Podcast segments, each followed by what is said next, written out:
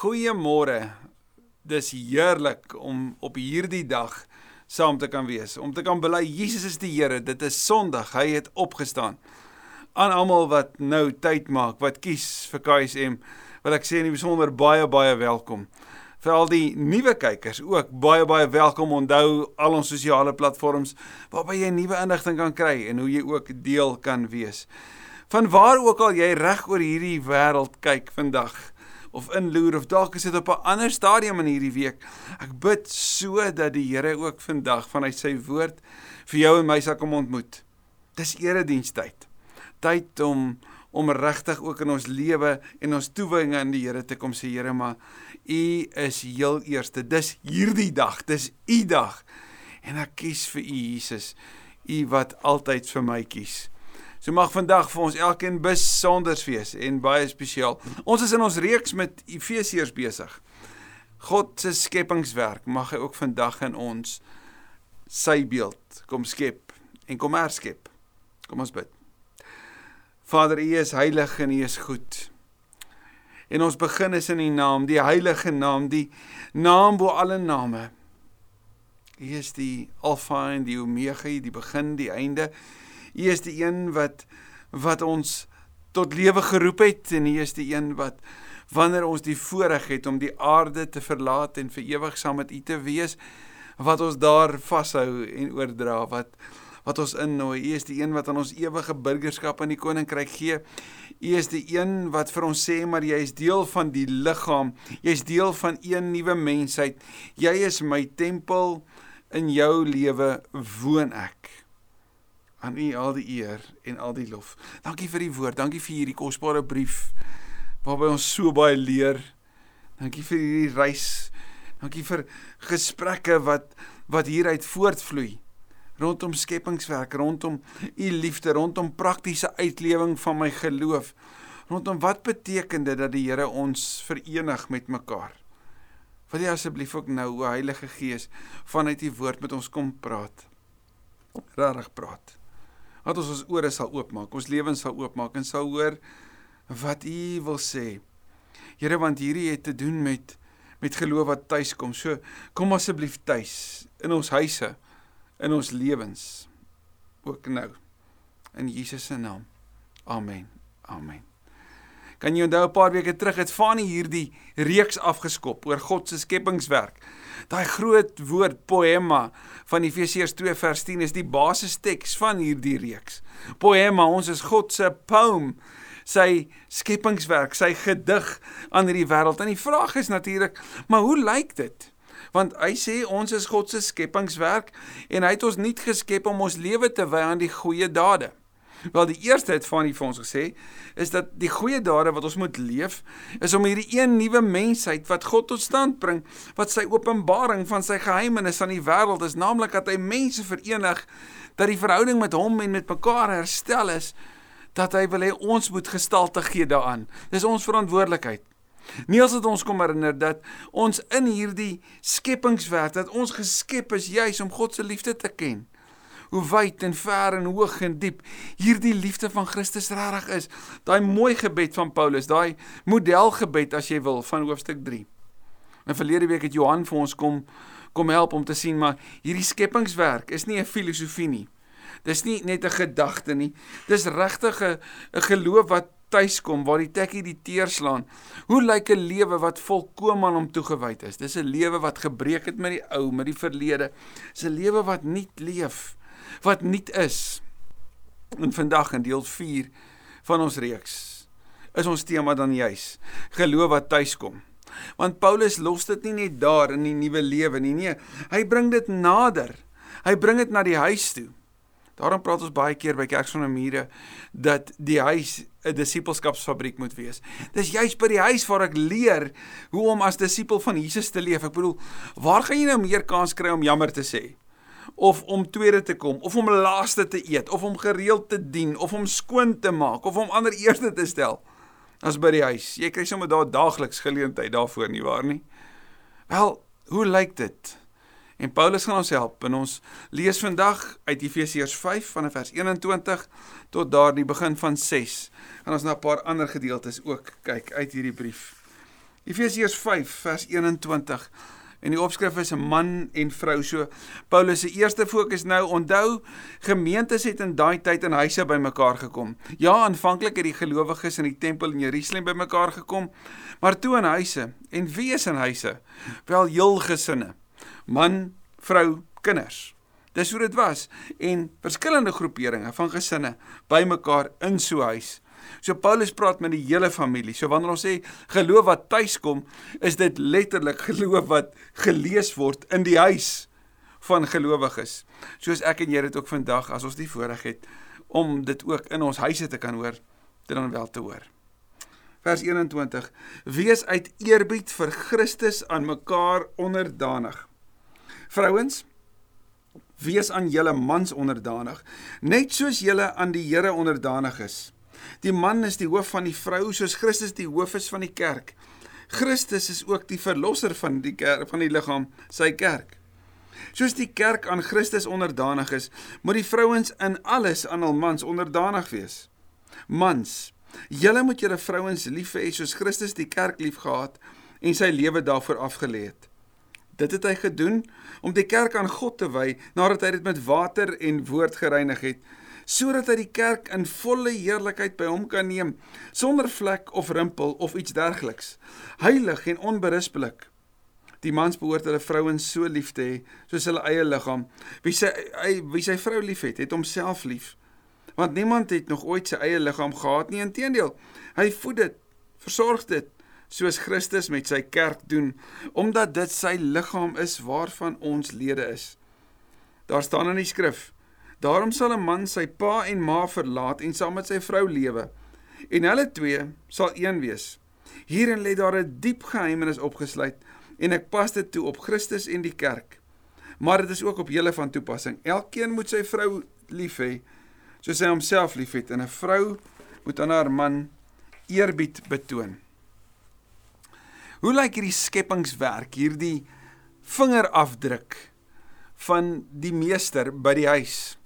En is interessant dat die eerste beeld wat Paulus gebruik wanneer hy praat oor man en vrou, is dan praat hy oor Christus in die kerk. So ek en jy moet mooi sien wat die Bybelse waardering vir die huwelik is. Die Bybel het 'n teologie oor die huwelik. En dit is die huwelik moet 'n afdruk wees van Jesus en sy bruid, die kerk. En wanneer Paulus praat met man en vrou by die huis, dan sê hy vir hulle hulle moet uit eerbied vir Christus. So dit begin vanuit 'n plek van jou perspektief is eerstens Christus. Dit is eerbied. Met ander woorde, wat ook al hier volg, bring eer aan hom. So ek en jy sou kon sê dat wat ook al hy dan van ons vra is worship. As ons hierdie doen, is ons besig om eer aan Christus te bring. Hy sê ons moet uit eerbied vir Christus aan mekaar en ja, oom, tannie, Daai Griekse woord mekaar beteken mekaar, nê? Nee? Ons moet uit eerbied vir Christus aan mekaar onderdanig wees. Die woord onderdanig in die Grieks is lekker nogal om vir die tieners dit ook te leer want hulle sal dit onthou maar ooplik onthou jy dit ook. Is die Griekse woord hypotasso. Nou hypotasso, hoe ek dit onthou is ek dink aan 'n aan 'n seekoei wat 'n tas dra. Nee, hypotasso is om soos die Engelse dit vertaal om te submit. Dis om ander eerste te stel. So uit eerbied vir Christus sê Paulus, moet ek en jy mekaar eerste stel. Dat dit in die huwelik eerstens dit sal wees. Jy eerste, nee jy eerste, nee jy eerste, nee jy eerste. As ons dit reg kry, is ons klaar besig om te hipotasso. Hy sê ons moet uit eerbied vir Christus aan mekaar onderdanig wees. So daai woord onderdanigheid is nie die van 'n slaaf nie, maar van 'n gesindheid, van 'n houding om die ander eerste te stel. En dan draai na die vroue toe en daarna na die mans. Wat sê hy vir die vroue? Vroue, uit julle eerbied vir Christus, uit julle eer aan hom, is julle ook onderdanig aan hom. En hy woord onderdanigheid natuurlik hypotasso, stel julle hom eerste. En net soos wat julle Christus eerste stel, so moet julle julle mans eerste stel. So moet julle mans eers stel. So hoe ek aan my eie man onthou, dis nie aan alle mans nie, dis aan my man. Hoe ek my man dis eers stel, moet 'n afbeelding wees van hoe ek Christus eers stel in my lewe. So ek kom nie net in deel opdragte by my huis uit nie. Nee. Ek vra vir my man. Ek luister ook na my man. So ek stel die ander eerste. Hierdie het nie te doen met mag nie, hierdie het nie te doen met beheer nie en hierdie het ook nie te doen met status nie. Hierdie het te doen met 'n ingesteldheid. As Paulus sê die man is die hoof van die vrou, dan kom sê hy nie die man is die baas nie, want jy gaan later sien soos Christus. So die man het hierdie groot verantwoordelikheid ook om soos Jesus sy vrou lief te hê. En die vrou kry die groot verantwoordelikheid om soos die kerk aan Christus onderdanig is, soos die kerk Jesus eerste stel, om haar man eerste te stel. En ek weet hoe moeilik dit is veral as daar kinders is. Ek weet van 'n vrou wat een keer vir my gesê het, "Dominee, ek het my kinders gevoel kom en ek het my man gesien kom. So as ek moet kies tussen die twee, kry my kinders eerste die opsie. Ek kies hulle eerste." Sjoe. Wat sê Paulus? Uh -uh. My man eerste. My man eerste. As vrou, my man eerste. So en dit doen ek uit my eerbied vir Christus. So ek wys my eer en my toewyding aan die Here in die wyse waarop ek my man eer. Vir die manne sê Paulus en hy en hy brei dit nou nogal uit. Hy hou nie terug nie. Ek bedoel as jy 'n man is en jy en jy wil vinnig by die eerste stuk stil staan en half jou hande vou en sê waar's my kos? Hou net vas. Kyk wat sê Paulus vir die vir die manne. Want soos wat hy vir die vrouens sê soos Christus Soos julle toewyding vir Christus is, is dit na julle mans toe sê hy vir die manne, julle moet julle vrouens lief hê soos Christus die kerk liefgehad en sy lewe daarvoor afgelê het. Hoor jy wat se hoof moet jy wees in jou huis? Jy moet sterf konstant die heeltyd. Jy moet hulle eerste stel konstant die heeltyd. So jy moet sorg dat jy in alles wat jy doen jou alles gee vir jou vrou vir jou huis. Jy moet hulle lief hê. Jy moet hulle lief hê met 'n onselfsugtige liefde. Jy moet hulle lief hê met met sagtheid, met vergifnis, met omgee, met deernis, met teenwoordigheid, met sagte oë moet jy hulle lief hê want as jy vir Jesus liefhet en Jesus eer, sal dit neerslag vind in die manier hoe jy met jou huis omgaan. Sal jou huis regtig weet dat jy Jesus liefhet want hulle sal dit voel in jou liefde vir hulle. Hierdie liefde waaroor Paulus geskryf het in hoofstuk 3 toe hy gesê het hoe wyd en ver en hoog en diep die liefde is. Hierdie onpylbare liefde van die Here wat hy sê en dit ek bid dat julle heeltemal volkome sal vervul word met die volheid van God. Dis die volledige liefde. Sien as ek en jy die bron in ons lewe Jesus het uh, Jesus as bron het dan is daai liefde 'n gegewe en dan leef ek dit na my gesin toe. Dan is dit wat ek sal doen. Jy moet jou vrou lief hê soos Christus maar weer eens jou vrou en net jou vrou. Sy vir jou en jy vir haar in die heilige eenheid soos Paulus dit ook in Korintiërs beskryf. Vir mans beteken dit om die taal van liefde te praat. Vir vrouens beteken dit om die taal van respek te praat. En dis interessant want in wese is dit andersom. Ek wil dit jare klomp manne om 'n braaivleisvuur gesien staan en praat. Dalk was jy gister om so 'n vuur. Het hulle vir mekaar gesê hoe baie hulle vir mekaar omgee? Hoe baie hulle vir mekaar lief is? Nee. Hulle het die taal van respek gepraat. Dit het gegaan oor hoe groot was hierdie bok wat hy gejag het? Hoe groot was daai besigheid wat hy gedoen het? Wat het ek hier gedoen? En elkeen is besig om vir die ander manne te sê, ek tel. Elkeen is besig om vir die ander een te sê, ek respekteer jou, jy behoort hier. So mans kies hulle woorde versigtig. Hulle kies veral hulle stemtoon versigtig. En alles gaan oor ek gee respek en ek verdien respek. Hoe leer ons ons seuns? Kyk die oom in die oë en druk sy hand. Hoekom? Want jy het respek vir hom en jy moet verstaan dis hoe dit werk. Dis die taal van respek. Dis deel van man wees, nie waar nie? En girls, sit julle daar en praat oor die goed wat ek nou net gesê het? Nee. Julle praat oor goed wat ons noem emosies, nê? Nee? Julle praat oor gekoester wees en naby wees. Ja, julle praat natuurlik oor die lewe. Maar vir julle is dit hoe jy gevoel het en wat jou belewennisse was. En nou kom man en vrou na mekaar toe en kyk wat sê Paulus. Man, jy kan nie die taal van respek teenoor jou vrou praat nie. Jy moet haar taal aanleer. Nou hoe gaan hy die taal van liefde na haar toe praat? Net as hy hipotasso. Want as hy hipotasso, as hy ondergeskik is, as hy haar eerste stel, dan praat hy die taal van haar hart. En vrou, hoe gaan jy die taal van respek teenoor jou man leer? Net as jy hipotasso, as jy hom eerste stel. En hier's die mooi, Jesus het ons geleer, as jy laaste is, sal jy eerste wees. So stel jou man eerste en praat die taal van respek. Kies jou woorde versigtig. So as Paulus sê jy moet jou vrou lief hê, is dit omdat liefde is haar taal. Liefde gryp haar hart aan. Jy moet jou man eer betoon, is omdat eer en respek is wat vir hom sê ek behoort, ek tel, my vrou sien my raak. In die huweliksvoorbereiding doen ons 'n 'n kort kursusie wat op Right Now Media beskikbaar is. En as jy deel is van Kerk sonder mure, dan weet jy via ons groeibediening het jy vrye toegang tot Right Now Media en al sy klomp hulpmiddels. Ek dink daar's 200 000 daarvan. En die een wat ons doen in die huweliksvoorbereiding se kursus se naam is The Crazy Cycle. En dit werk eenvoudig so. 'n Man soek eer en 'n vrou soek liefde. As 'n man nie eer beleef nie, dan gee hy nie vir die vrou liefde nie. En hoe minder liefde sy beleef, hoe minder eer gee sy, sien jy? So spin ons in die verkeerde siklus.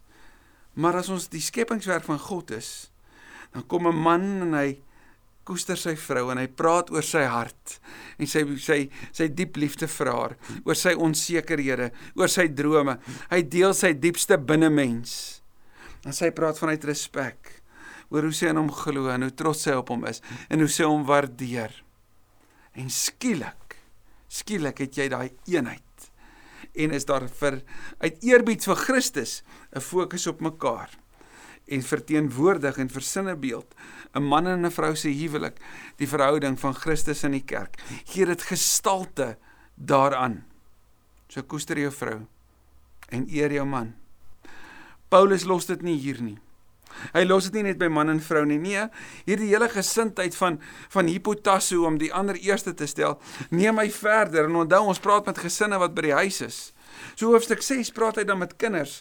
Hy praat die eerste 4 verse sê kinders en kinders was deel van die gemeente. So as hierdie brief gelees was, het die kinders dit gehoor saam met hulle ouers. Kinders, wees as gelowiges aan julle ouers gehoorsaam. Hoor julle tieners? Wees as gelowiges aan julle ouers gehoorsaam. Hoekom? Want dit is wat die wet van God vereis. Paulus kom van die 10 gebooie van eer jou vader en jou moeder en hy gaan dit bietjie verder uitbrei. Hy kom herinner hulle daaraan, woor mooi, dit is steeds so, dit is belangrik dat jy verstaan dat wanneer jou ouers vir jou iets vra, is dit nie 'n versoek nie. Dit is nie 'n gesprek of 'n onderhandeling. Kan ons bietjie praat oor jou kamer? Is dit dink jy dis moontlik dat hy kan netjies wees? Is dit enigstens moontlik dat ons dalk die skoene kan bære? Hoe voel jy daaroor? Nee, dis gaan maak jou kamer skoon.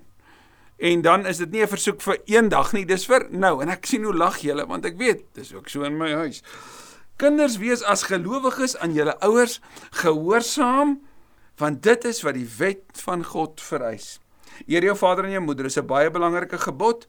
En dan kom daar 'n belofte by, sê Paulus. So hy hy herinner hulle daar's 'n seën daarby vir hoekom jy dit moet doen. So jy moet dit doen oor die wet van God. Jy moet aan hulle gehoorsaam wees. Maar hier kom die belofte by sodat dit met jou goed mag gaan en jy lank mag lewe op die aarde. Met ander woorde, eer jou vader en jou moeder sodat jy die seën kan beleef en volwassenes. Dit beteken dat jy ook die grootouers sal eer terwyl jy die voorreg het om hulle in jou lewe te hê, dat jy teenwoordig sal wees by hulle, dat jy met respek sal praat met hulle, dat jy hulle sal lief hê. Maar Paulus los dit nie daar nie. Kyk, hy draai na die Vaders toe en in die wêreld van die van die Efesiërs sou 'n sou 'n Griekse pa, 'n Romeinse pa by die geboorte van sy kind sou sy aanvaarding van sy kind sigbaar wees in of hy die die kind die babatjie sou optel en sou vasdruk.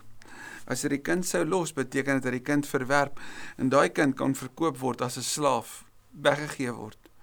Maar as hy die kind neem, dan sê hy dit is myne. Paulus sê nee, Christenpaas lyk anders. Kyk wat sê hy.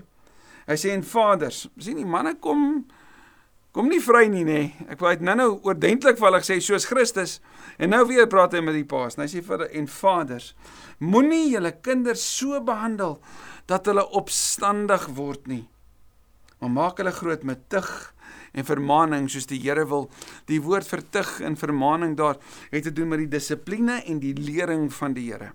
Maak hulle groot op die wyse dat hulle manne en vroue van God sal wees.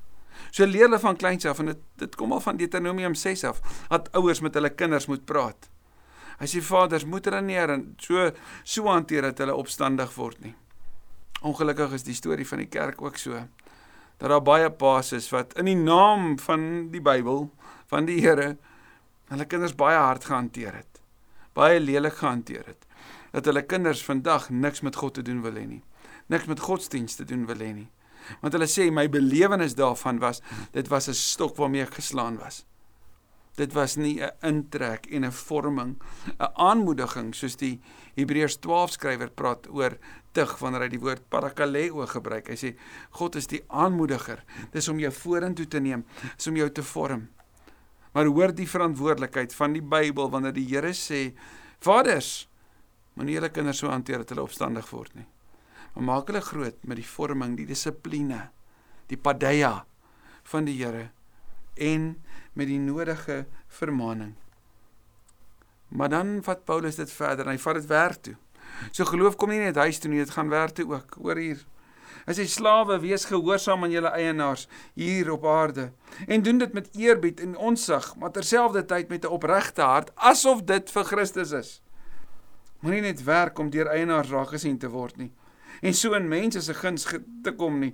Werk so slawe van Christus wat van harte die wil van God doen. Alles julle slawe, doen julle werk met lus soos vir die Here en nie vir mense nie. Julle weet tog dat die Here elkeen sal beloon as hy iets goeds gedoen het, of hy nou 'n slaaf is of vry. En eienaars, behandel julle slawe met dieselfde gesindheid. Hou op om hulle te dreig. Dink daaraan dat die Here in die hemel hulle Here en ook julle Here is. En hy trek niemand voor nie.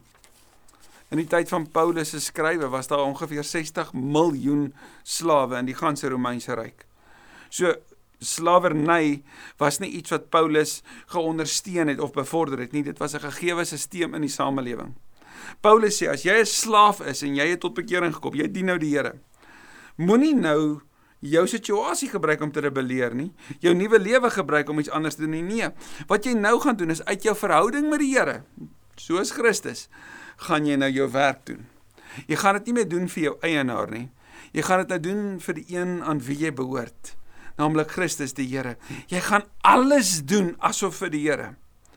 En sommige kere het die slawe werk gekry wat vir hulle onbillik was. Ek bedoel Warren Wiersbe het dit het dit ook so genoem in sy kommentaar. Hy be, hy beskryf hierdie onregverdigheid wat slawe soms aan aan blootgestel is. En dan dan sê hy maar in daai tyd, solank dit binne die wil van die Here is wat hulle van hulle gevra was om te doen, moes hulle dit doen. Hy sê Christianity knows nothing of sacred and secular. A Christian can perform any good work as a ministry to Christ, to the glory of God. For this reason, the worker must do his job from the heart, since he is serving Christ and doing the will of God. There was tasks assigned to these slaves that they detested. There were tasks, but they, they were to perform them just the same, so long as they were not disobeying the will of God. Wat sê J.D. Greer hieroor? The workplace is the laboratory from where we learn to serve God with excellence in all things. The workplace. Die werkplek is die laboratorium waar ek en jy leer om alles vir die Here te doen met excellence. Hoe wonderlik sal dit wees as Christene bekend is daarvoor dat hulle werk met toewyding doen, nie vir hulle baas nie, maar vir die Here. Dat hulle dit doen met excellence al voel dit vir hulle by tye onregverdig en onbillik omdat hulle dit vir die Here doen. Hoe wonderlik sal dit wees wanneer die werkgewer besef ek moenie laste op op my werknemers laai wat hulle neerdruk en hulle tyd steel en hulle vreugde steel nie. Ek moet hulle ook lief hê en dien met die gesindheid vir Christus want ons is gelyk voor die Here. Daar's nie statusverskille voor hom nie. Daarom kan ek en my my werk my werkgewer en werknemer kan saam om 'n tafel sit en brood breek en eet as broers in Christus omdat dit deel is van hierdie een nuwe mensheid. sien Paulus kom sê geloof kom tuis. 'n Man leer om die taal van liefde te praat. 'n Vrou leer om die taal van eer en respek te praat. Kinders leer om hulle ouers te gehoorsaam want hulle wil die Here gehoorsaam en ouers leer om sag met hulle kinders te werk en hulle nie hardvogtig te maak nie om hulle steeds te vorm en te leer. En ja, dit is so. Ons wêreld lyk anders. Daar is die harde realiteit en die hartseer realiteit van enkel ouer gesinne. Van van co-parenting as jy wil. Maar maar niks van wat die Bybel vir ons leer oor hoe ons dit moet doen kan weggevat word nie. Ons moet dit steeds doen met die toewyding asof vir die Here. En dan by die werk. Die werk wat so baie van ons tyd vat. So baie van ons tyd vra. Ook daar moet ons ons werk doen asof vir die Here. In alles wat reg en billik is. En moet ons 'n gespasie skep vir ons werknemers om te floreer. Want ons doen dit vir die Here mag ons geloof tuiskom. Want wanneer die skepingswerk van God, die poema dit so leef, dan sien die wêreld, dan sien die kosmos hierdie boodskap van Jesus, hierdie verlossingsboodskap is regtig waar. Mag ons so leef. Amen.